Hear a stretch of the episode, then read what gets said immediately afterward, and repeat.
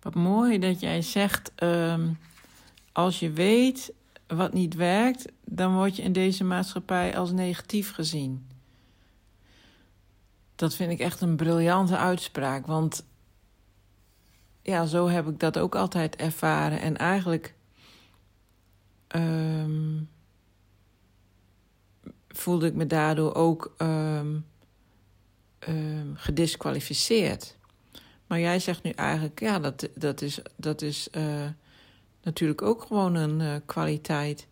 En ik heb het vooral ervaren op mijn werk hoor, moet ik zeggen. Daar denk ik dan ook meteen automatisch aan.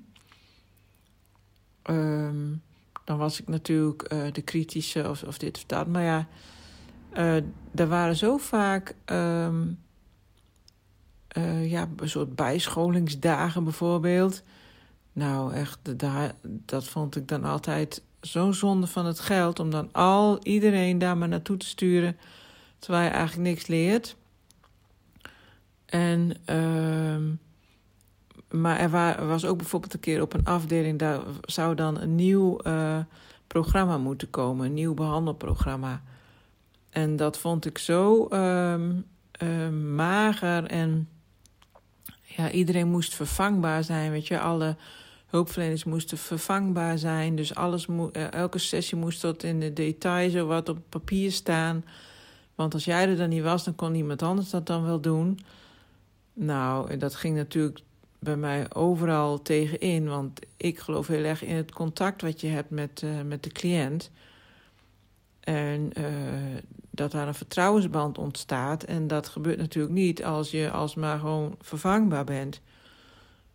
En als ik dat dan benoemde in een overleg van ja, ik mis dit of ik mis dat of ik mis hè, welke rol wij zelf als hulpverleners spelen in het contact met de, met de cliënten. Want je, je staat vaak heel erg symbool voor, voor, een, voor een vader of een moeder of wat dan ook. En dat gebeurt gewoon automatisch in zo'n setting. Nou joh, ik werd gewoon echt een kop, kop kleiner gemaakt. En um, ja, dan was ik weer negatief of ik haalde het hele programma onderuit of uh, nou ja, dat soort dingen. Maar ik wist gewoon zeker dat het niet ging werken. Omdat het gewoon, het was een soort auto-wasstraat waar iedereen doorheen gestuurd werd, al die cliënten. Gewoon allemaal uh, het polish-programma.